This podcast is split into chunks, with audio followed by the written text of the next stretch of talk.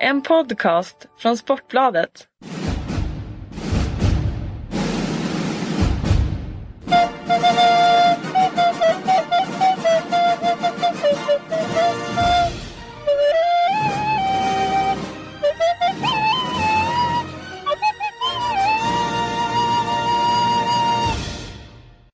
Tillbaka med eh, Handbollspodden. Podd nummer 20 ska det vara. Eh, men det är väl också eh, på sätt och vis lite nummer ett. Vi gör en nypremiär efter en, långt, ett långt sommaruppehåll. Har du, har du det bra Kent-Harry? Jag har det ganska bra jag Sitter här nere på Rivieran och, och njuter av det vackra vädret. Ja, jag sitter i Wien på ett hotellrum och Sverige, Öster, eller Österrike-Sverige ska jag säga ska ju spela fotboll i, ikväll så att laddar för det och är laddar med en ny podd. Eh, ja men det känns väl bra att, att, dra igång igen. Det var ju ett långt uppehåll vi höll men jag tror att vi, vi behövde det också. Ja, vi är kanske lite ringrostiga men eh, vi får få lite tid på oss att komma igång. Ja då, vi ska nu komma in i det. Eh, vi kör utan gäst idag och det blir ju förstås fokus på eh, elitseriepremiären på onsdag drar det igång med en del matcher. Eh, ska du se någon live Kent? Ja, jag hade först tänkt att göra det, åka upp till Kristianstad och se, se eh, Kristianstad-Lugi men eh, eh, därför jag ska träffa två norska spelarna i, i Kristianstad. Men jag valde istället att åka upp imorgon och, och träffa dem och så tittar jag på träningen. Och, och så eftersom matchen går i tv så att då kan jag sitta här hemma i lugn och ro och se den. Slippa trängas med en massa folk. Ja, men ja, alla matcher ska ju sändas i tv. Eh, alla på, på här sidan elitserien. Ja, det är fantastiskt. Det är fantastiskt. Ni kommer ju känna igen eh, er eh, verkligen eh, också den här säsongen. Vi kör ju på, på med ungefär samma upplägg. Vi ska väl försöka ha något nytt moment här i, i slutet och eh, försöka utveckla det efterhand förstås. Men eh, ni kommer känna igen er och vi har förstått att det har varit ett uppskattat eh, inslag i handbollssverige den här podden.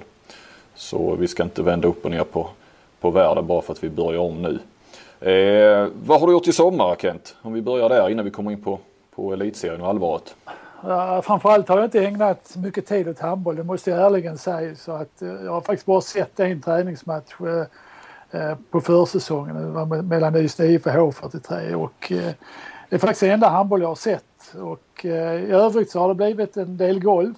Ja. Och sen eh, har jag faktiskt börjat cykla. Har en kompis som har hållit på med det här i 15 år och han har tjatat varje år. Du måste börja cykla. Och eh, så jag lånade ju hans racercykel eh, ett par veckor.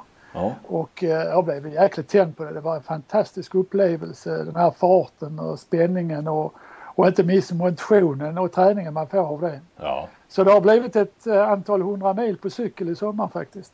Hur mycket, alltså när du ger dig ut, hur långt cyklar du? Hur länge cyklar du då? Jag brukar ligga, ligga mellan 4-5 mil och det är en och en halv timme ungefär.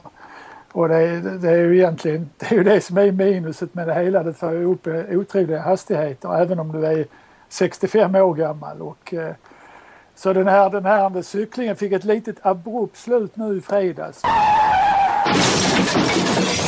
För att, Ja, det var en amatör framför mig där på cykelvägen i, i Abbekås. Eh, Basti Rasmussen eller nej? Nej, det var en annan amatör. Så ja. att, eh, och eh, jag hade ett nytt rekord på gång. Jag har ju sån här dator också på cykeln så att jag, jag vill ju, man vill ha lite mål var gång jag ser ut. Och jag låg jäkligt bra tid tidsmässigt och eh, ville förbi den här amatören så snabbt som möjligt men det var så himla smalt där va. Så jag har hittat till och precis när jag har hittat till och ska cykla förbi va, så så väjer han lite till vänster och till vänster finns det ett ganska högt trästaket och jag får ju rakt in i, i det och jag, sen kommer jag inte ihåg mycket mer. Utan oh, jag rullar runt där och eh, skrapar upp mig rejält och eh, eh, ja, tyvärr så bröt jag, bröt jag en, lite ben i vänster, vänsterhanden också så att jag sitter här med ett gipspaket. Aj då. Ja, men det är, det är en tuff sportcykel. Det är nästan, man kan nästan jämföra det med handboll. Ja. ja.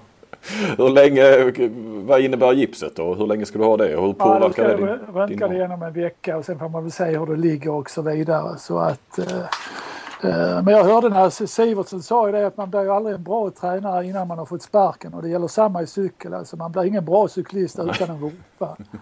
Så att eh, jag siktar på en eh, snabb comeback när, när jag har lagt gipset. Ja, du har inte liksom, du lägger inte ner det nu? Du inte... Nej, det får jag inte göra för det, det är som sagt en fantastisk upplevelse. Man ska bara vara lite, lite smarta och inte göra om, omkörningar eh, smala cykelvägar.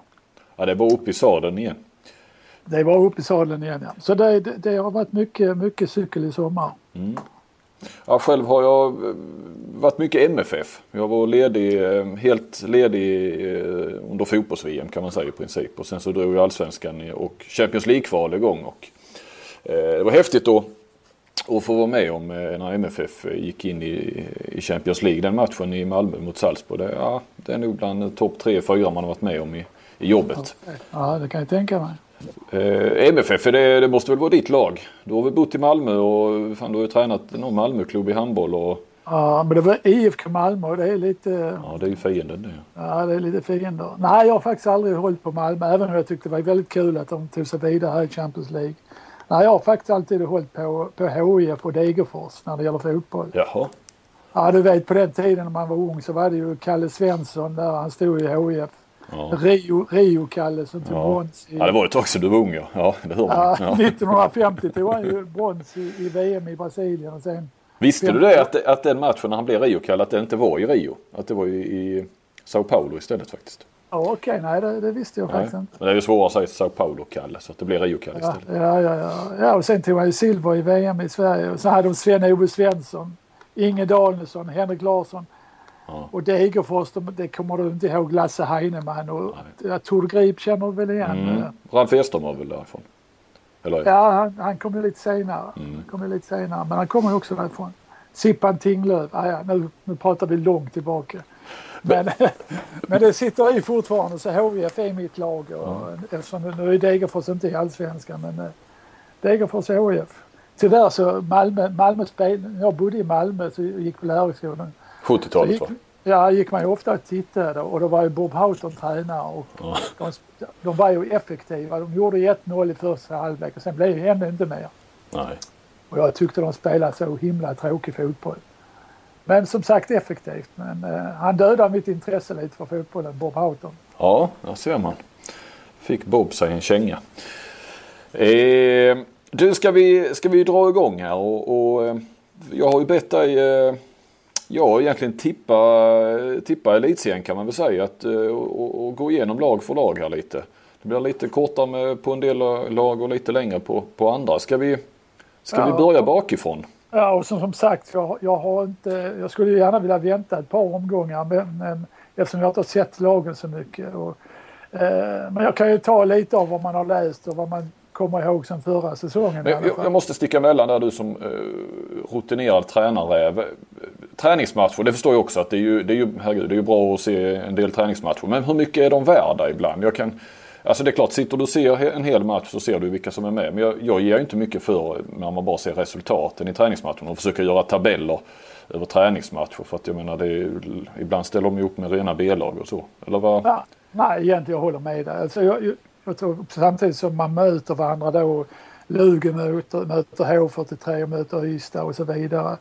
Jag tror för att träningsmatcher ska ge någonting så, så måste man spela det i någon form av turnering.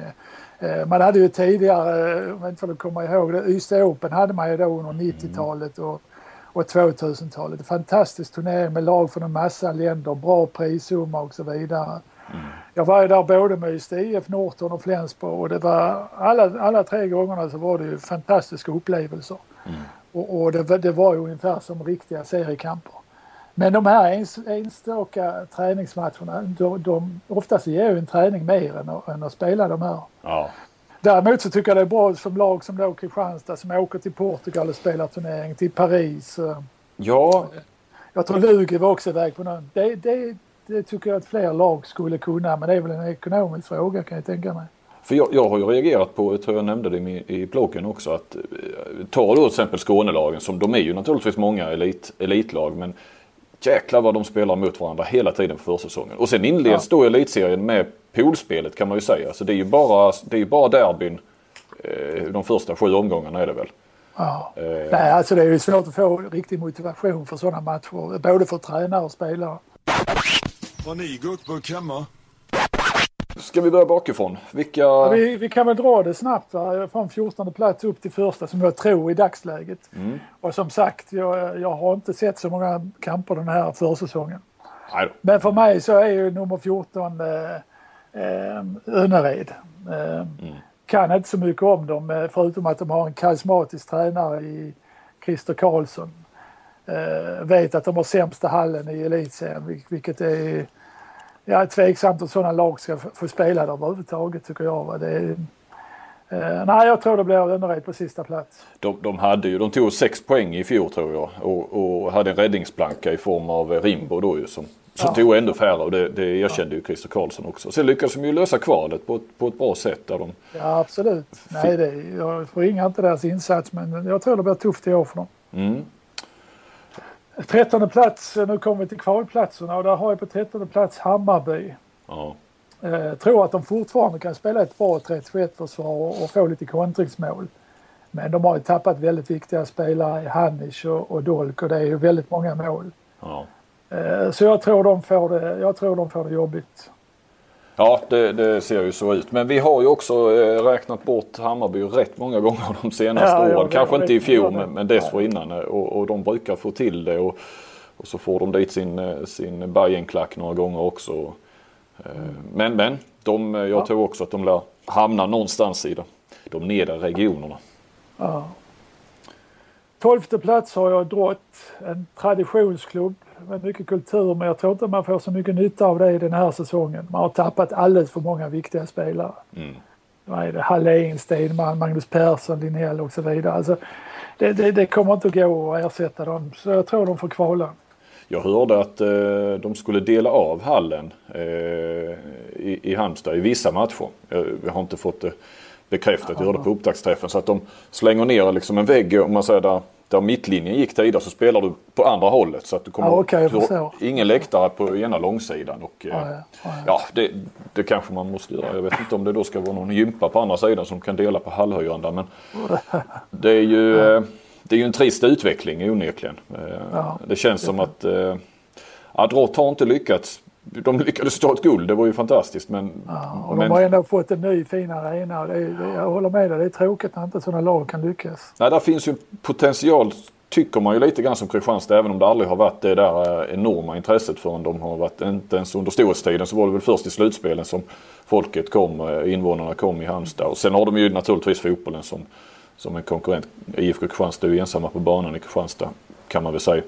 Eh, men eh, jag tycker ändå att det har eh, Drott som klubb, ledning, styrelse har, måste ju ha gjort en del misstag de senaste åren som inte har ja, absolut. Absolut. fått till det bättre. Jag undrar förresten hur Henrik Olsson, Staffans grabb då som gick dit till förra säsongen och han han känner det. Jag vet att, han, att, han, att en del i, i, valet var väl att eh, högskoleutbildningen som fanns i Halmstad. Men... Ja. Nej, jag vet att Ystad ville väldigt gärna ha honom men han, han valde väl mellan Ystad och Drott. Men just på grund av studierna så valde han ju Drott. Ja, jag kan, sportsligt känns det väl eh, sådär. Herregud, han kan ju han är ung och han kan gå till eh, nya, nya klubbar men eh, det känns ja. inte helt... Ja, jag tror han har varit rätt het under ungdoms-VM också mm. i Österrike. Han har spelat väldigt bra där. Ja, ja. Så att han kan bli ett riktigt genombrott för honom den här säsongen. Mm. Trots allt. Får vi hoppas. Ja, sista kvalplatsen har jag funderat lite om det skulle bli Skövde eller H43 men jag, jag fastnar för Skövde. Mm. Och det, det, är mest en känsla som sitter i egentligen från förra säsongen. Eh, ja, då har de inte varit en värda i dina ögon du. Nej, och jag tycker inte, när man tittar på nyförvärv och så, så är det ju ingenting som skrämmer precis. Nej. Så att eh, jag sätter Skövde på, på elfte plats. Men man kan, jag kan ju tycka att de ändå har jämfört med många av de andra eh, lagen där nere ändå kanske en bättre trupp. Alltså de har ju ändå eh, Christian Svensson, eh, Lake kvar och Vremer väl kvar. Och, Ja, det är bara frågan om de här kan motivera sig ja. och ligga där nere i, kring kvalplatsen och spela. Det... Det, det... vet vi inte men det får vi se. Ja. Jaha, och så är det ingenmansland då ja? Ja, det innebär ju då att H43 kommer att klara sig från kval den här säsongen utan Soran. Ja. Eh, Jag har ju lyssnat lite på Robert Andersson, träffat honom någon gång i Ystad och han är, verkar väldigt optimistisk och är väldigt nöjd med att han har kunnat föryngra sitt lag så pass mycket som han har gjort. Så att eh, kan spåra en viss optimism där. Eh, sen, är, sen såg jag på någonstans också att man har, har bara en egen produkt i laget och det är ju det är ju verkligen tankeställare till, till en sån ungdomsförening som, ja. som H43 är.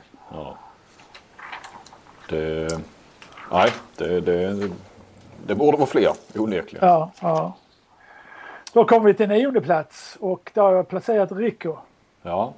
Och eh, som jag aldrig har sett spela handboll egentligen men jag bygger det här tipset på, eh, på att man har en skicklig tränare i Ingmar Linnell som eh, eh, inte gör något dåligt jobb, det vet man från början. Sen har man då ett stabilt mittblock med Mattias Gustafsson och Jesper Linnell och där bakom så har man Foppa i mål. Alltså, det, det, det borgar för en viss trygghet i alla fall. Och, eh, så jag tror att man kommer att hamna på nionde plats. Ja, jag skulle också säga att, att Rico som, och det är ju bra som nykomling för det är inte absolut, så lätt att, att etablera sig. Jag har också den känslan. Ingmar är ju klok där och eh, precis som du säger har byggt det bakifrån. Eh, jag förstod på honom när jag pratade med på upptaktsträffen att framåt får man väl se liksom vad de har. Men eh, att eh, ha så stabil, en så stabil trio centralt bakåt där de, inklusive Foppa. Det, är ju, ja, det, det, det räcker för att, för definitivt få slippa kval. Mm. Så då kommer vi upp på slutspelsplatserna va? Då kommer vi slutspelsplatserna. Åttonde plats har jag placerat RIK. Ja. Jag vet att man har spelat en träningsmatch i Ystad och förlorat ganska stort där och det var bara för ett par veckor sedan.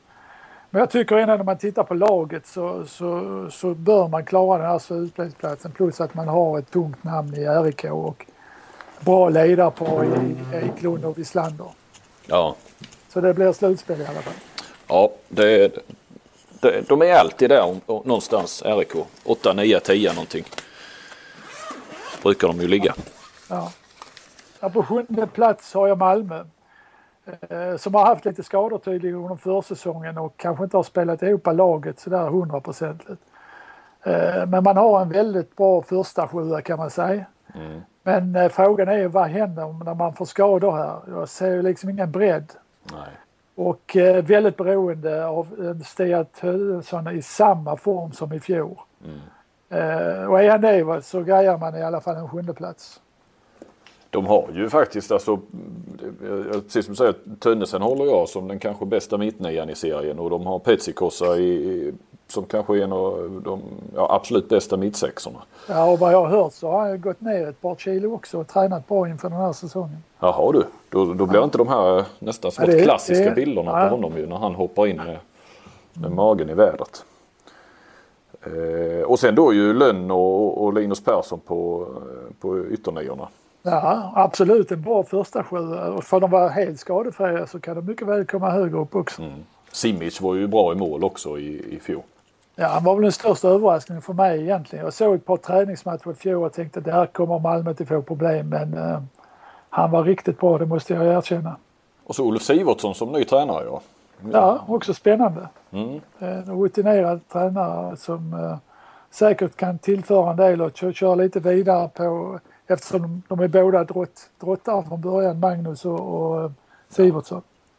Så Oj. det kan, bli, kan nog bli lite kontinuitet där också. Jag förstod på Ulf att när han fick eh, lämna drott där då på våren så började han nog jobba rätt mycket med Malmö och med Magnus eh, direkt där. Så ja, ja det, är smart, det är smart gjort. Han har nog haft, eh, det blev nästan ett halvår egentligen då, kunnat fokusera på Malmö. Mm. Sen fram till premiären här nu. Ja. Jaha, vad är vi framme då? Nu är vi framme på sjätte plats. Ja. Där har jag placerat mitt kära Ystad. Ja. Eh, Rekordlågt för vara dig va? Ja, lite lågt. Men jag ligger lite lågt med Ystad i år. Jag, jag tror det passar dem rätt så bra. Passar dig bättre också tror jag. Men de har, jag tror de har fått tillbaka lite självförtroende och har gjort en eh, väldigt bra försäsong i alla fall. Sen, sen räknas ju inte det när serien börjar, det vet ju jag också. Mm. Men, men just för Ystad var det väldigt viktigt tror jag. Mm. Som att inte börja tveka på led, nya ledarparet och så vidare. Nej. Sen har jag förstått att bästa spelare har de båda nyförvärven Borgstedt och Anders Persson, målvakten, varit. De har imponerat väldigt mycket. Okay. Man har eh, lovande ungdomar som har blivit ett år äldre. Eh, en hel del förutom Lukas Nilsson. Så jag tror att en sjätte plats kan nog eh, passa rätt bra för Ystad den här säsongen.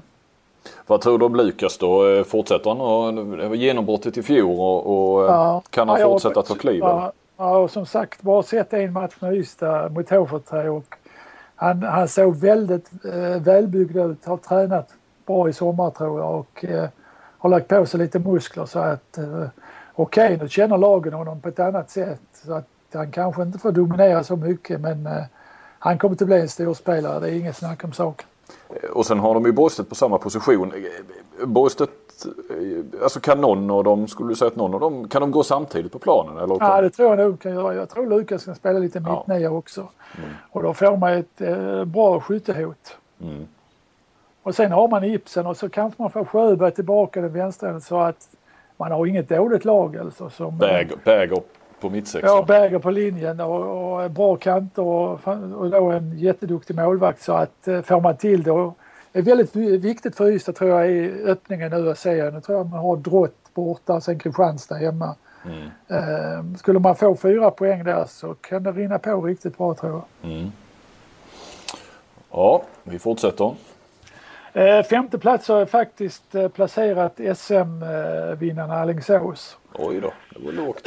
Eh, plus för dem det är att de har en väldigt bra ledartrojka i Franzén, Sandberg, Per Johansson. Mm. Ett relativt samspelt lag. Men vad som är minus det är ju att man kan inte slå från underläge som man kunde förra säsongen och det är alltid svårare och det är svårt att försvara en titel. Mm. Aggerfors har varit borta hela försäsongen. Mm. Men, men vad framförallt gör att jag placerar dem på femte plats det är att de var i Champions League nu här som eh, vi såg hur det, hur det var med Drott förra säsongen och det kommer till slita det här resandet och, och spelandet. Mm. Eh, så jag tror man får nöja sig med en femteplats i serien men sen kommer man inte bli livsfarliga i ett eh, slutspel i den här säsongen också tror jag. Ja. ja, vi kan väl komma tillbaka lite vilka du tror sen på i slutspelet. Ja, ja. ja. Eh, förresten, förresten bara måste, de, de släppte ju Borgstedt. Eh, Axner han stod på, på scenen på upptaktsträffen och sa att jag hade aldrig släppt Borgstedt om jag hade varit eh, Alingsås. Var... Ja, jag tror att Ystad, Ystad publiken och Ystad-ledarna håller med om det. Eh, har tydligen varit väldigt bra på försäsongen här. Mm. Eh, jag kan Borgstedt för lite för jag, jag vill se honom lite mer för att se hur, nyttig han kommer att bli för Ystad. Så får man ju se då, då de får ju in Fredrik Larsson och det är ju en, en eh, en fin handbollsspelare men känslan har väl att han varit rätt skadebenägen genom åren och blir väl inte det mindre ju äldre han blir heller. Så att, Nej, det blir intressant att se. Det är inget snack. Han är en jätteduktig handbollsspelare och handbollsmässigt tror jag att han är bättre än Borgstedt. Men, mm. men, men sen gäller det att kunna spela 60 minuter i varje match också. Ja, definitivt. Fjärde plats? Fjärde plats har jag placerat Lugi. Mm eh, har en bra trupp med bredd, speciellt när de får tillbaka Jepsen och Järnemyr. Eh, placerat dem fjärde plats men de kommer också att bli farliga i ett slutspel. Mm. Mm. Möter Kristianstad i, i, i... Ja, ja, precis. Men det är ju, det, man ska ju ersätta Hippo och Hallberg och det var ju två viktiga spelare med viktiga roller i det laget. Mm. Lite vinnarskallar båda två också så att eh, eh Ja, man måste få till det och ett problem där det kommer att vara eh, om man nu ska spela Roganovic som mittnia, vilket jag är lite tveksam. Mm. Jag, jag hör att han inte ser inte så bekväm ut i, i, i den rollen på, har inte gjort det på försäsongen. Nej, nej, jag hade ju förstått värvningen om man hade värvat honom som högernia. Det är ju en fantastiskt duktig spelare men nu ska han in i en ny, ny roll här och ska tänka på alla andra utom sig själv och då glömmer man ofta sig själv. Och, och det är inte så lätt för dem sidan om heller att plötsligt spela med en vänsterhänt mittnia. Det är ju mycket timing i handbollen, komma rätt i steget och så vidare. Så det kan bli jobbigt både för Hallberg och, och den Ernstsen som spelar vänsternia. Mm. Och det har väl visat sig lite i, i träningsmatcherna också. Man har inte haft riktigt de resultaten som man kanske hade förväntat sig. Du träffade Basti här för någon vecka sedan och då var han rätt så eh, Eh, så framtiden an med tillförsikt. Men eh, ja, sen åkte han till eh, ja. upp till Alingsås. Ja. Nej men Basti är ju alltid optimist och när vi satt och pratade där så, så han tror ju på detta stenhårt och tycker det är kul på alla sätt och vis och Eh, jag tror också det kan bli bra men eh, det kan bli lite tufft i början tror jag. Eh, man fick ju lite smäll där mot Elverum och, och Alingsås i den här turneringen och det är klart, då får man en liten annan magkänsla efter två sådana förluster. Du är, du är ju nära vän med både, både Basti och Ola Lindgren. Eh, ja. Premiären på onsdag, vilka håller du på? Nej, jag får nog hålla mig neutral där. Att, och det menar jag ärligt också. Jag tycker det är det bästa laget ska vinna den matchen helt enkelt de som spelar bäst handboll. Men det är klart jag håller ju håller på båda lagen i, framöver. Och så har du ju Ystad då förstås också. Och så Ystad, så jag håller ju på en jäkla massa lag. Ja. Vad har du placerat på tredje plats då? Eh, tredje plats har jag placerat Sävehof. Mm. Uh, nu tror jag det är så här, jag tror inte de har lust med fler mellansäsonger nu. Nu har man sagt två säsonger att man bygger ett nytt lag och det är lite upp till bevis den här säsongen tycker jag. Uh, för, för att se om den här satsningen har uh, burit frukt helt enkelt. Uh, men man är ju väldigt, väldigt beroende av Peter Johannesson i, i målet. Uh, han, han, är ju kanske den viktigaste uh, spelaren för något lag i elitserien om Sävehof ska kunna gå riktigt långt och, och, och ta en tredje plats.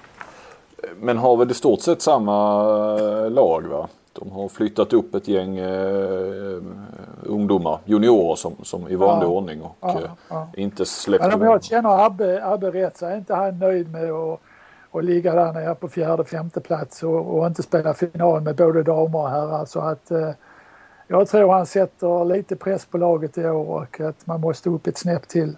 Bagaren stod ju på upptaktsträffen och sa att eh, det var sagt att 2016 när den nya hallen stod klar så skulle de vara topp Eh, alltså verkligen, då skulle de vara med och ja. slåss om guldet. Eh, tror du att han försökte köpa sig något extra år där då? Du menar att... Ja naturligtvis, det gör man ju alltid som tränare. Ja. Köpa sig lite tid. Men nej, jag, jag tror man kan lyckas redan den här säsongen. Ja, ja. Ja, det är väl inte alla som tippar Sävehof där så pass. Eh, Topp tre, nej. Ja, ja. De hade ju en, alltså det, Bagan sa ju det att jag, tror att i fjol så vann de mot alla lagen men de förlorade också mot alla lagen. Ja, att, eh, ja visst, de var väldigt ojämna förra säsongen. Men... Gjorde mycket mål, gjorde kanske mest mål men uh, han sa också att försvaret såg inte klokt ut ibland. Ja. Nej, där, där kan de göra mycket och kan Peter Johannesson höja sig ytterligare ett snäpp så, så blir de riktigt bra. Mm. På andra plats? Har jag placerat Guif. Mm. De vann ju serien förra säsongen och har förstärkt riktigt bra tycker jag på målvaktssidan och även högernio-positionen. Med Pava där va? Ja. ja. Och det är ett, eh, för mig är det Guif ett typiskt serielag. De är bra i serier men när det kommer till slutspel så, så är de inga vinnar, vinnarskallar. Nej, nej. En ny eh, islänning har de också ja, på, på mittsex. Okej, okay. det hade jag missat. Men, I Ingolfsson. Ja, ja, jag vet inte. Det är klart att de allra bästa islänningarna försvinner väl till Eh, till Bundesliga förstås. Eh, Bundesliga med alla de isländska tränarna har ju koll på ja. de isländska spelarna. Men Christian eh, Andresson borde väl ändå ha, han, han, borde ju, han har ju förutsättningarna för att kunna fynda på, på Island känns det ju som. Ja, han har ju rätt bra koll på vad som finns på den marknaden. Man vet ju aldrig. Nu är han ju mittsexa men jag tänker på som Gunnar Stein Jonsson när han kom. Det var ju ett jäkla, jäkla bra ja. värvning av Drottninggång. Ja. Ja. Nej, de har ett starkt lag så andra plats där placerar vi dem fantastiska kantspelare eh, har de ju också.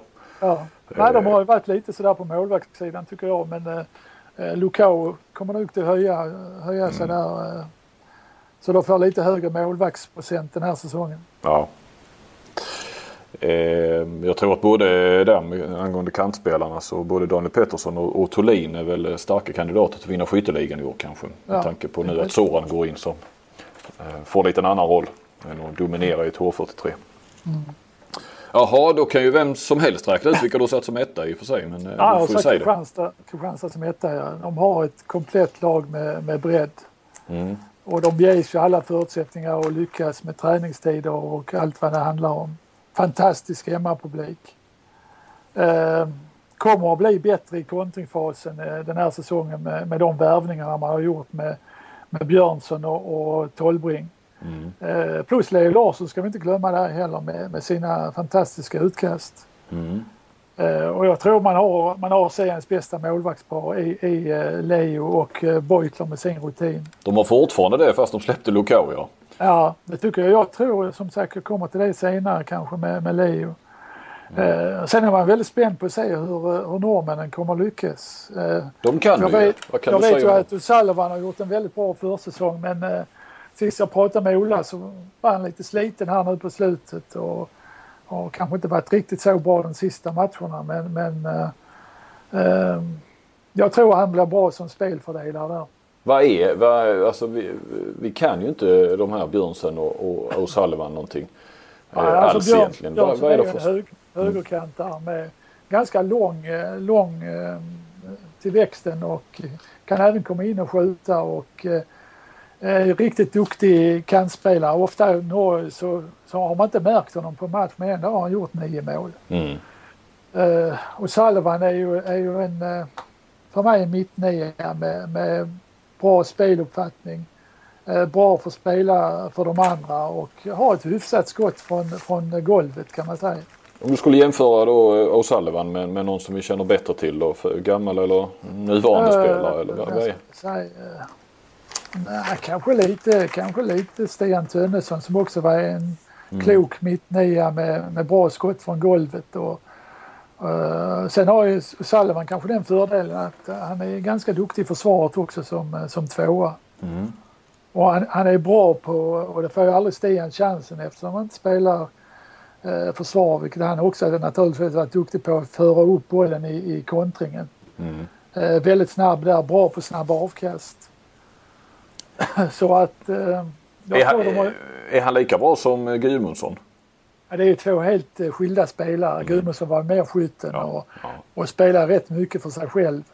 Eh, medan Sullivan spelar mycket mer, mer för eh, vänsternian och högernian och även duktig med linjen. Mm, mm. Och så Stenbäcken då förstås. Det är inget dåligt vänsterniepar de har. Eh. Marcus Olsson nej, och Stenbeck. Nej, jag tycker de har ett komplett lag den här säsongen och, och har, får de lite mer fart i fötterna och, och i kontringsfasen så, så blir de riktigt eh, giftiga. Känns som Ola har fått in de här kantspelarna han kanske har velat ha ett par år. Ja, ja. Eh, för att få och sen gäller det ju att kunna spela kanten också. Det tror jag man kan med, med, med Salvan och, och Stenbäcken. Mm, mm. Vad, vad, vad, tror du om Ola Lindgren och eh, hans ledarstil då? Va? Det var ju lite kritik efter eh, eh, vet vi ju att spelarna, alltså kritik från spelarna. De har haft utvärdering och sådär. Tror du att vi får se en lite mjukare och mer positiv Ola? Han kändes ju väldigt, eh, väldigt negativ i långa stycken i matcher. Och, Ja, det är så roligt man uppfattar honom så kanske när han sitter på bänken. Men jag känner Ola väldigt väl och han är ju han är ju alltid väldigt positiv och optimistisk där när man träffar honom sidan om, om planen. Och, och sen gäller det väl i sitt ledarskap att kunna vara flexibel. Det beror ju väldigt mycket på eh, vad för grupp man har, vilken ledarstil man ska ha och eh, ha en förmåga att kunna växla den. Jag menar det är ju alltid lättare att, att vara lite gladare och positiva när man har ett lag eh, som tar mycket mer ansvar och, och är mer medvetna än man har ett nytt lag och ska forma från början. Mm. Så det är kanske tredje säsongen och han kan kanske släppa loss lite mer nu här. Mm. Hörde förresten att han hade kommit utan keps och kavaj till den här kickoffen. Ja precis, ja, precis. utan keps men med kavaj ja, precis. Ja. Du ska nog inte bli förvånad om vi får se honom med en Armani-kostym på bänken också. Jag, ja, du tror det alltså? Ja, jag har sett hans garderob. Där finns en del eh, sådana också där. på tal om bänken, Jesper Larsson går in som assisterande. Tror du att han får ett större inflytande än vad, än vad tidigare assisterande har? Alltså jag menar Jesper har väl en annan status kanske inte minst i Olas ögon också.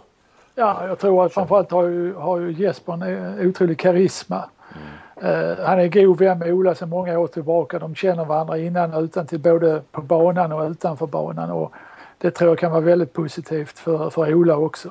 Mm. Plus att han kommer väl att ta ett närmare 100% ansvar som målvaktstränare också. Mm. Mm. Och väldigt bra med, med snacka med killarna och allt det här. Så att eh, där tror jag man har gjort ett... Eh, det tror, tror jag kommer att bli väldigt bra. Det här är väl ingen gurkburk? Eller? Då gick du igenom serien. Slutspelet då. Vilka kommer vi att, att få se i, i finalen? Eller kanske till och med du kan dra vilka du tror kommer att spela semifinal? Usch, det blir svårt det. Va? det Ja, det inte. men, men jag tror ju att Kristianstad kommer att vara där, Lugi kommer att vara där, Alingsås kommer att vara där.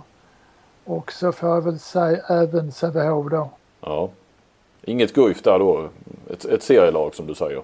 Ah, Nej, de kan ju mycket väl gå, Ja, ja. gå till semifinal men jag tror inte de går till final utan det blir mellan Kristianstad och eh, antingen Alingsås eller Lugi som motståndare. Ja. Det har ju lite med lottningen att göra där. som slår kanske ut varandra innan. Men Kristianstad är där och sen blir det antingen Alingsås eller Lugi. Eh, och vilka tar hem den där finalen då om vi ska gå så Ja, långt? Kristianstad tar hem det i år. Ja.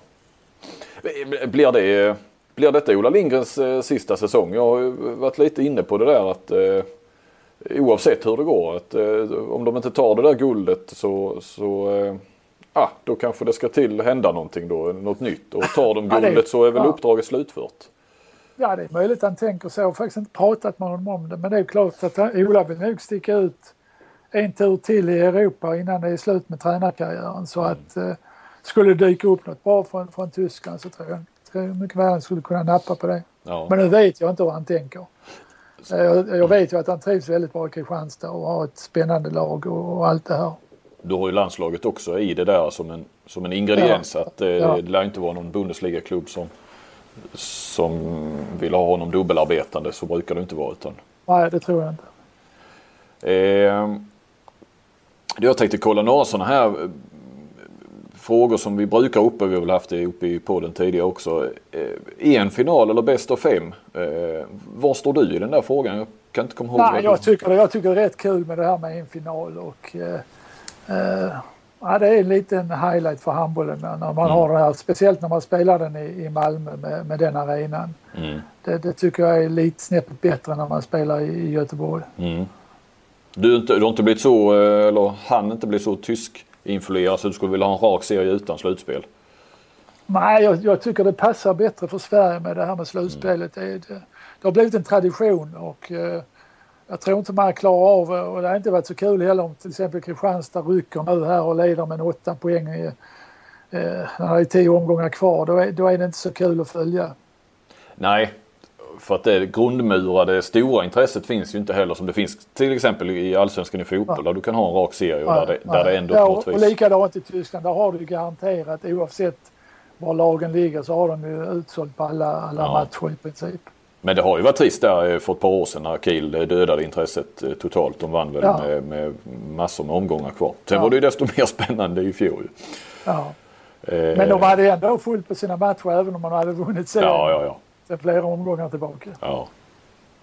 Eh, jag kör några andra, testar dig på några andra frågor här Kent. Vem, Ja. vem blir årets värvning i elitserien tror du?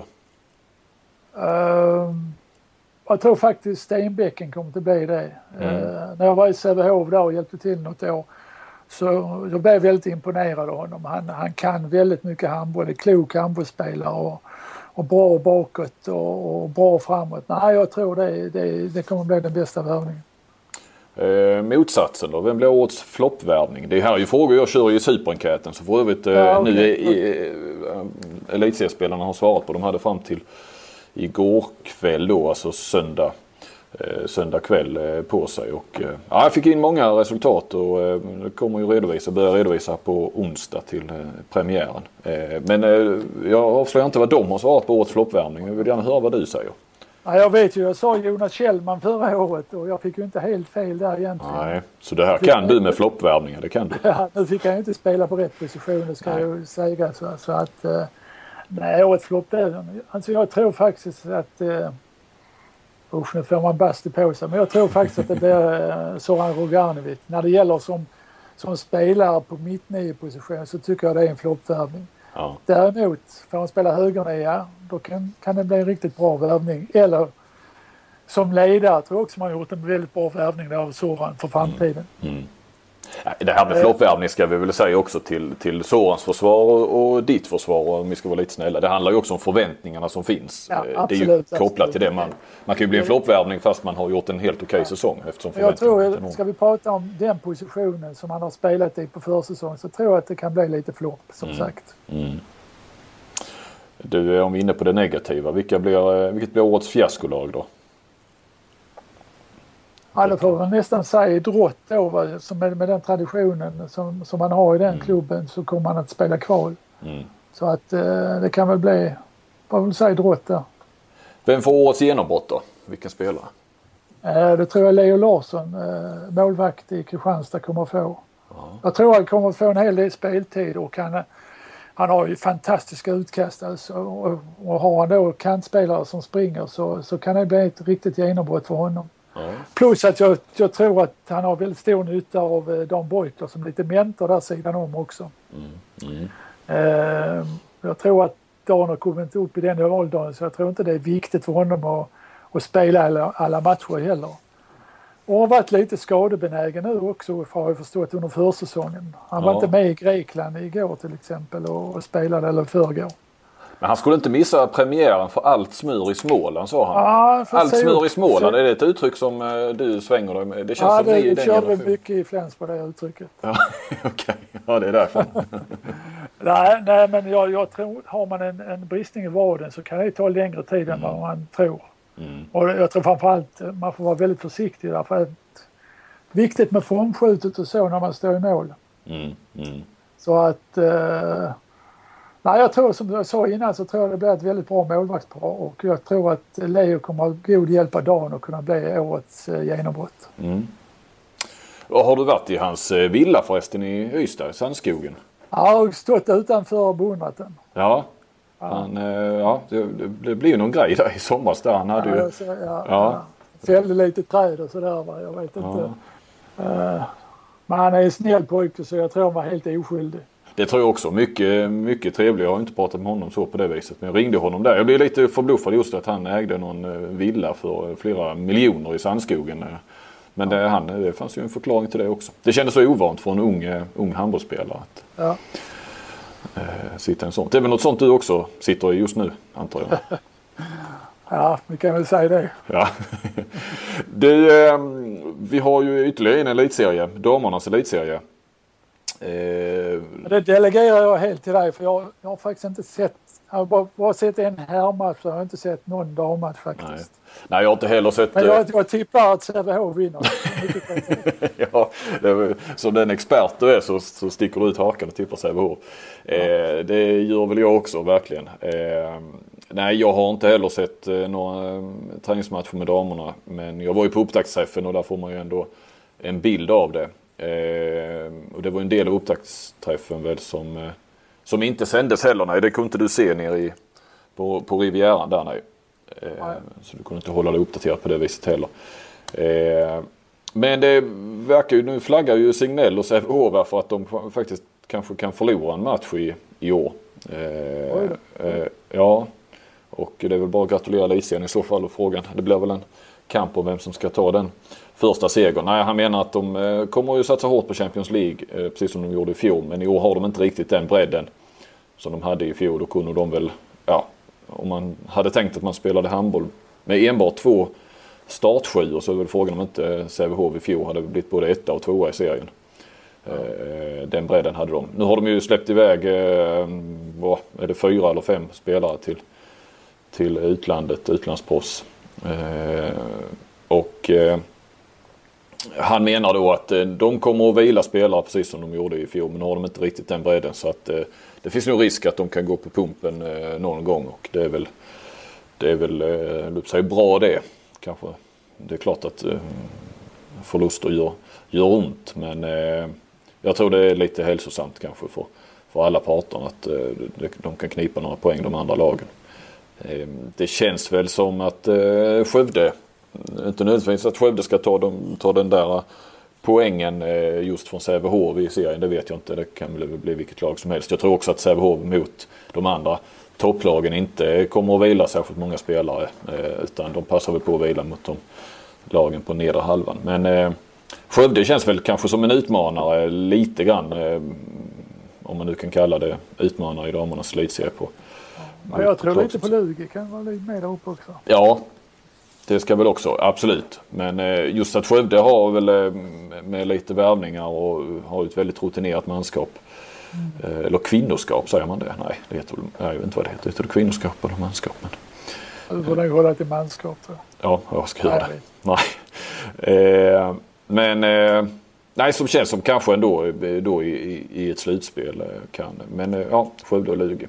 Annars var det ju nästan en, en, en liten trist inledning på, på damernas upptaktsträff där Tyresö var först upp eh, och eh, man förstod att de de eh, hade vis, visserligen kvalat sig in i elitserien men de, där fanns ju ingen tränare på, på plats heller utan han och hans kollega hade ju hoppat av två dagar tidigare för att de inte tyckte att de hade fått några förutsättningar och inte skrivit på okay. något kontrakt. Och, och istället fick en sportslig ansvarig, Janne Flinkman där, för i Hammarby handboll var han när, när här i, kring, ja, inte, när det var, 2004, 2005 kanske, något sånt där när Hammarby började bli bra där.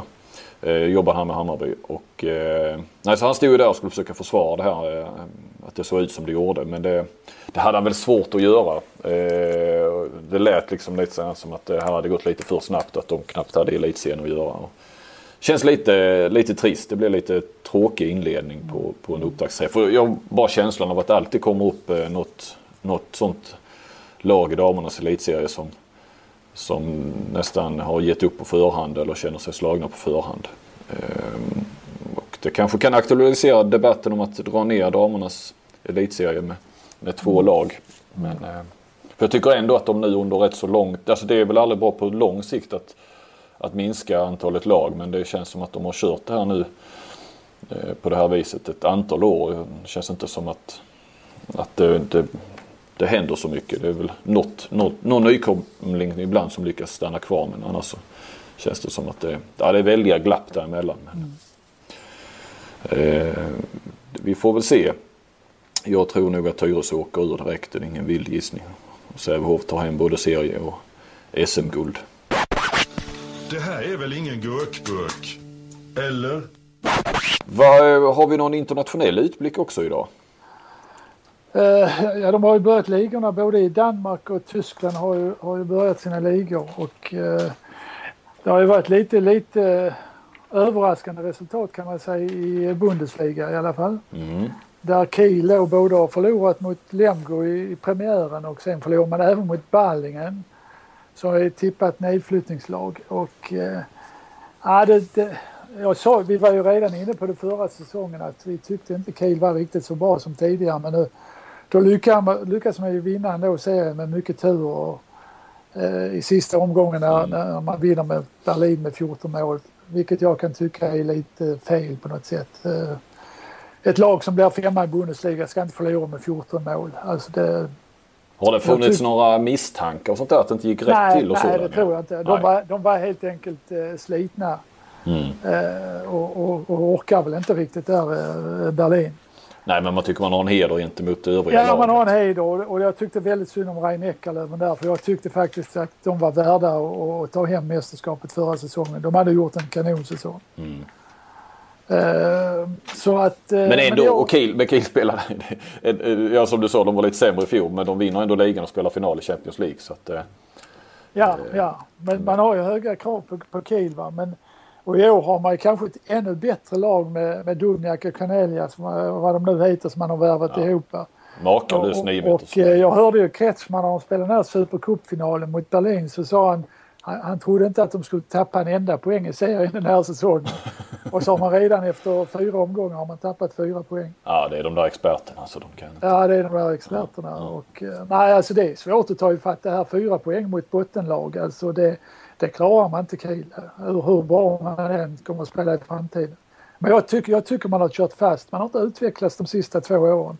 Eh, det har inte hänt någonting. Man kör inåt i sitt anfallsspel hela tiden och så låses man fast. Och, och så lever man då på, mot de sämre lagen på bra individuella prestationer. Ja.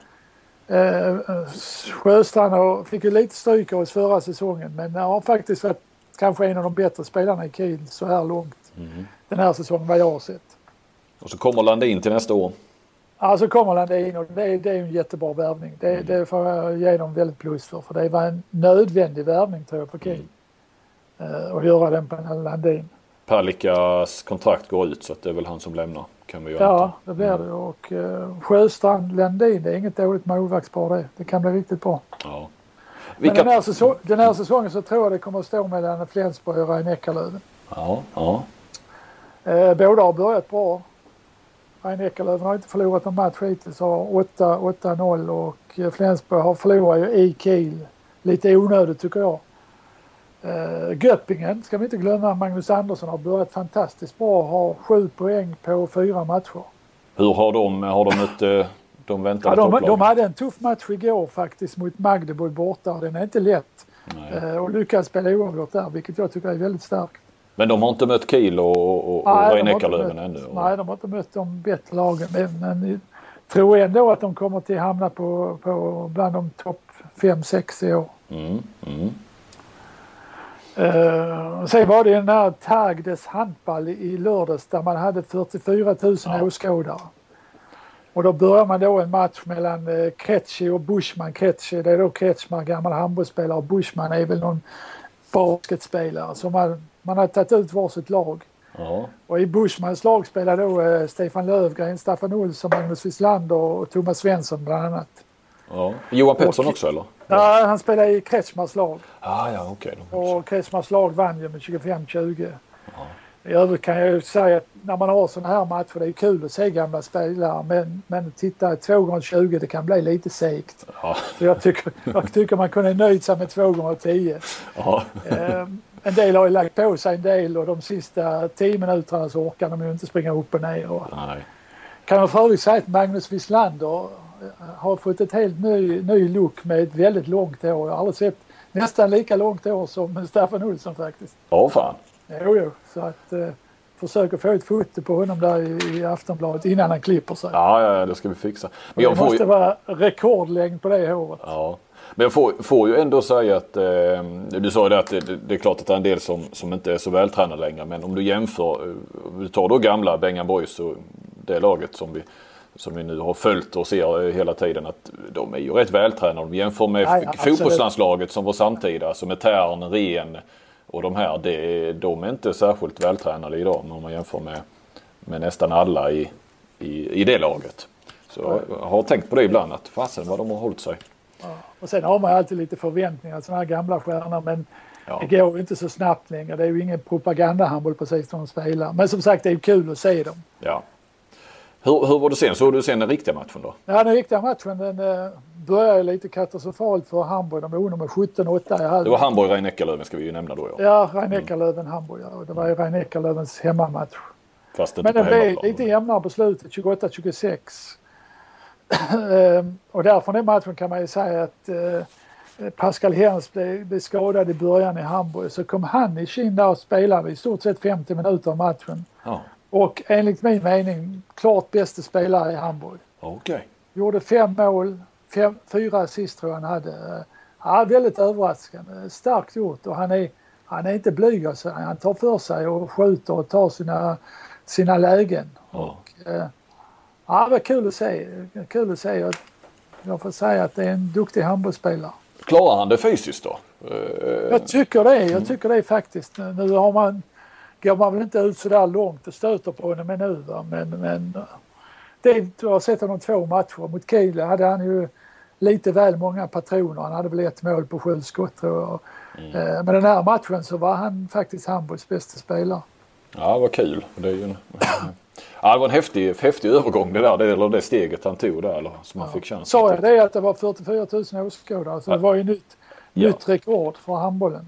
Jag var ju på den, eh, det förra världsrekordet. Eh, danska, parken där, ja. ja. danska finalen och vi satt, jag var där med familjen, jag var inte där och jobbade utan eh, och vi satt ju väldigt, väldigt högt upp men alltså du ser ju inte ett skit. Det, är ju, det blir ju väldigt konstigt. Vi satt ju då uppe, högt upp på läktaren där och sen så var det ju då lilla planen i mitten och där runt hade de ju lite, kanske satt, kan det suttit tusen personer eller 500 personer då i någon på, på ett par tre bänkrader och det var lite vipp då. Och däremellan sen liksom som en superbred löparbana där, där gick ju folk omkring och stod och, och sådär. Men de stod ju och tittade på storbildsskärmarna så det såg lite konstigt ut att folk, ja, alltså det stod hundratals personer med ryggen mot planen och tittade på storbildsskärmen. Det, Nej, det är nog ingen framtid för handbollen, det tror jag inte. Jag Nej. vet ju när, när man spelar i Köln Arena som, som är en inomhusarena med 19-20 000. Även det kändes ju lite konstigt att spela där. Mm, mm. Eh, satt ju på publiken också långt ifrån och eh, ja, man upplevde ju inte att det var 18 000 att titta. Nej. Men äh, det är ju en häftig grej. Det är en bra, Ja, en bra absolut, publicitet absolut. och, och så. Så nu har tyskarna tagit tillbaka världsrekordet då. Eh, för det, vad tror du om Hamburg då? Alltså det är ju ändå rätt så, de tappade en del men de har ju rätt stora, stora spelare kvar med Lindberg och Ja, Pascal alltså Hens har och ju, Bitton. de har ju som sagt en, en bra första sjua, precis som Malmö har. Eh, Med, med Torsten Jansson och Toft och Lindberg då på 6 meter. Så har de Fall, högerner som spelar i tyska landslaget. En ung kille, Ma- eh, som spelat i ungdomslandslaget. Eh, Hens, men Hens är ju en spelare som de sista 7-8 åren alltid är skadad Mm. i princip. Ja. Och så har man då Hannes där bakom och det är ju väldigt tunt alltså på, för en eh, Bundesliga-serie. ja. Eh, Men har gjort bra, var nära att ta poäng mot Kiel också. Det hade Kiel Mm. tur i den matchen. Men de har ju varit ett ständigt topp 4-lag men det är Ja, de inte i dina ögon Det är år de eller? definitivt inte i år. De kan, eh, det kan mycket väl bli nedre halvan fort också om, Ja. om de inte tar poäng snart. Däremot Rhein Eckerlöven ett topplag tillsammans med Flensburg tror jag på någon av de två som kommer att vinna i år. Och Berlin med våra svenskar där, de kommer som tidigare år sådär 3, 4, 5 någonting eller? Ja, kan det nog bli ja. Ha, ska vi gå vidare med Danmark? Ja, danska ligan har ju också startat och eh, vad som, vad som är kul där det är ju redan efter två omgångar så är det inget lag som har full pott. Alla lag har tappat poäng. Ja. Eh, Och nu är det Århus som leder tror jag och Kolding ligger på tredje plats. Det har varit en toppmatch där mellan Kolding och Ålborg. Det är väl de, de två som spelade final i fjol. Det blev oavgjort i Kolding. Okej. Eh, Kolding med, med Kim Andersson som tydligen är ett stort frågetecken den här säsongen också. Ja. Jag Ja, jag läste någon artikel där i någon dansk tidning att han har bara spelat försvar och eh, har fortfarande ont när han skjuter. Så det är Ja. tråkigt. Läser du inte Aftonbladet då? För jag har ju också skrivit om det. Eh, men jag har ju missat det, det numret. Nej då, jag pratade med, med Ola och Staffan där och eh, ja, jag pratade först med Ola och han, eh, han lät väldigt eh, bekymrad sådär. Så, Ja. så som, som du säger, han är, han, han är en positiv människa så men han, han eh, eh, nej. Och sen när jag pratade med Staffan på telefon så kändes det som Staffan intog lite rollen av en ändå optimistisk förbundskapten. Och visst, det är ju långt till VM men alltså börjar det nu krångla igen va så. eh, Ja.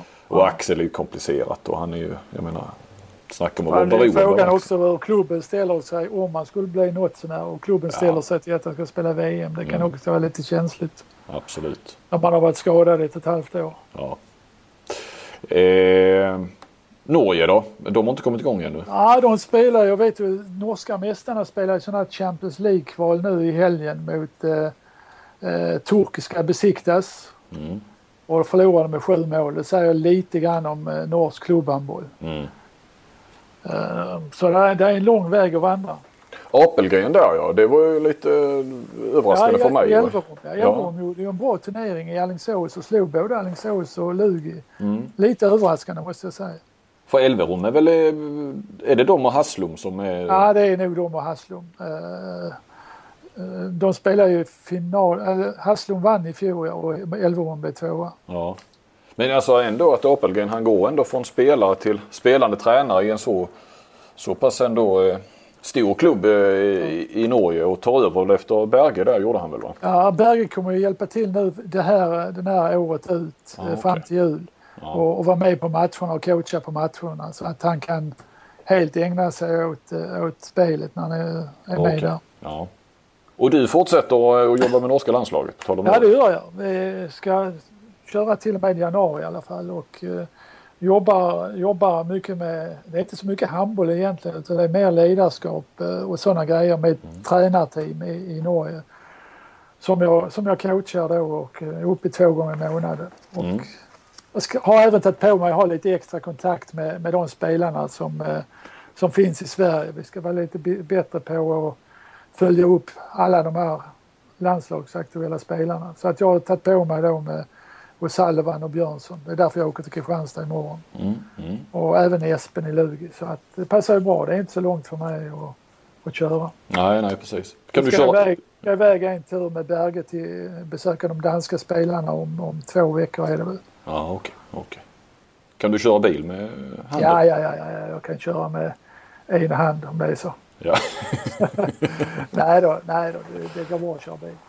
Du Katara, vi utlovade ju ett, ett nytt moment här i början av programmet eh, och nu har vi kommit fram till slutet av programmet så då ska vi ju riva av det också. Inspirerad av eh, podden Offside, eh, en fotbollspodd som jag tycker ni ska gå in och lyssna på. Den ja, jag gillar den. Det handlar rätt mycket om egentligen om media och så så att det kanske blir det är väl nördigt åt det hållet. Jag vet inte hur mycket. Vad heter podden sa du? Offside. Alltså det är tidningen Offsides eh, ja, podd. Ja. Eh, med deras båda chefredaktörer Johan Orenius och eh, Anders Bengtsson där som Ja. Eh, ja, nej, men den är, de, de har kört, de, kall, de har kört inte längre så nu tar vi över den grejen. Eh, hatten där de har dratt eh, olika namn och sen ska de till nästa vecka då eh, ta reda på lite mer då och så är det ofta så här gamla spelare eller gamla tränare och så. Eh, jag tänkte att vi skulle eh, sno det konceptet och eh, att vi, eh, att eh, nu sitter vi ju på olika håll här men att jag drar eh, för du har ju haft många spelare i din karriär onekligen och många spelare som vi både jag och lyssnarna känner till. Det är ju massor med svenskar och massor med storspelare. Så jag tänkte att de om vi då har nu samlat, jag, jag har skrivit ner en massa eh, av de här spelarna på, på lappar och så, så drar jag en eh, i slutet av varje program och så ska du eh, fundera på, på eh, någonting och kunna berätta något eh, om den här spelaren till, eh, till, eh, i programmet efter. Vad tror du om det? Skulle... Ja det, det verkar ju trevligt. Ja. Som, sagt, jag har ju haft några spelare. Ja precis. Så får vi lite så här lite, det blir lite nostalgi och lite tillbakablick. Eh, så att vi börjar, ska vi, vi börjar med att dra nästa veckas eh, namn då som, som du ska eh, tänka till och minnas lite kring. Då, börjar, då tar jag här i, i min lilla hatt i vin och på den så står det Basti Rasmussen. Oj, där finns ju mycket att berätta. Ja. kan du berätta allt då? det kanske inte är allt lämpligt här i, i det här mediet men, men eh, ja, jag ska fundera till nästa gång då. Ja, du hade honom eh, då? Jag hade honom under, under en säsong när han var spelare. Mm. Eh, hans sista säsong faktiskt. Ja. Och sen blev han ju då ledare tillsammans med mig. I, i Ystad, Ystad ja. IF, ja. ja. precis. Ja, det får du berätta mer om nästa gång. Sen, ja. sen, så får vi säga att vi har gjort på sån här klassiskt matlagningsprogramsväg så har vi faktiskt redan förberett eh, ett namn eh, som, som jag drog här tidigare för några dagar sedan som du har fått fundera lite kring. Eh, mm. Och det är Dragan Skribic. Ja, det stämmer. Mm. Dragan Skribic eh, var då en, eh, eller är, kommer från Serbien och gamla Jugoslavien kommer han ifrån. Mm. Född i Jugoslavien spelade sen i Serbiens landslag, mittsexa. Eh, jag hade honom under två säsonger i, i Norton mellan 2000 och 2002.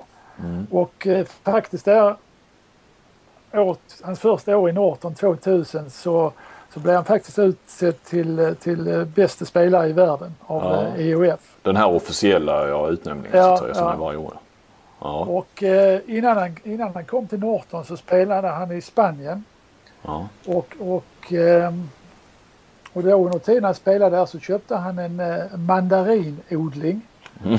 Som man skulle ha då i, i framtiden tänkte han. Ja det är ju alltid bra att ha en mandarinodling. Eh, ja. Sen en gång så, så hade vi väl någon dags ledig där och så var det en kläm då så han frågade om man fick ledigt den dagen av mig eh, och åka till Spanien. Så sa jag, ja det kan du få på ett villkor, det är att du tar med dig några mandariner till mig så jag får provsmaka från din eh, mandarinodling. Så han åkte iväg och så kom han tillbaka eh, ett par dagar efteråt med två fulla plastkassar med mandariner. Då hade han haft dem som handbagage, berättade han på planet. Och så kom han och lämnade dem till sin eh, tränare och då blev jag naturligtvis väldigt glad. Och jag får ju säga det var fantastiskt fantastiska mandariner. Ja, det var väldigt det. god smak. Um, så det var, det var mitt minne av Dragan Skribic. Eh, som vi förstått, blir du världens bästa spelare så eh, är man en duktig, duktig handbollsspelare. Eh, jag träffade jag på... Säga, jag kan ju säga det om Dragan också. Alltså, eh, under den tiden så spelade han mest anfall därför jag hade ju Ola då i försvaret så bytte de. Ola kontrade och sen bytte de. Eh, men någon gång så, så, så han ju inte byta och sådär och kom där i försvaret. Och, och där var han ju livsfarlig. Man såg när han fick de här svarta ögonen, då var det ju mm. dags att plocka ut honom. Ja. Han hade ju ett otroligt temperament. Ja, ja. Eh, men en fantastiskt fin spelare och bra kille på alla sätt. Sen gick han till Barcelona 2002 och spelade där ända till 2008. Det var då när ni fick problem med pengar va, i Norton? Ja, 2002 så fick ju Norton ekonomiska problem och, och fick vi sälja Skribic och Glenn Solberg och Frode Hagen. Alla de tre gick ju till Barcelona då. Ja, okay. Um, ehm, men jag tror jag har ju träffat honom många gånger efter det var han alltid lika glad och, och, och trevlig. Jag träffade honom eh, på den här eh, alltså Bengan Boys-matchen i januari nu i Halmstad. Ja just det, där var han med. Ja. Han var med i världslaget där ja, och, ja. snackade lite grann med honom eller ställde några frågor. Hade någon enkät där i vanlig ordning. Eh, jag upplevde bara att han, han, var, han är inte lång. Det var ingen nej, lång mittsexa, ingen stor jag, tror han, jag tror han är 1,90 och det är ju ganska kort om du är mittsexa och, och handbollsspelare idag. Ja. Ja, för han, och just i det sammanhanget när man gick runt med, mellan alla som, som var där så var det ju två meters människor nästan ja, alla. Och så. Ja.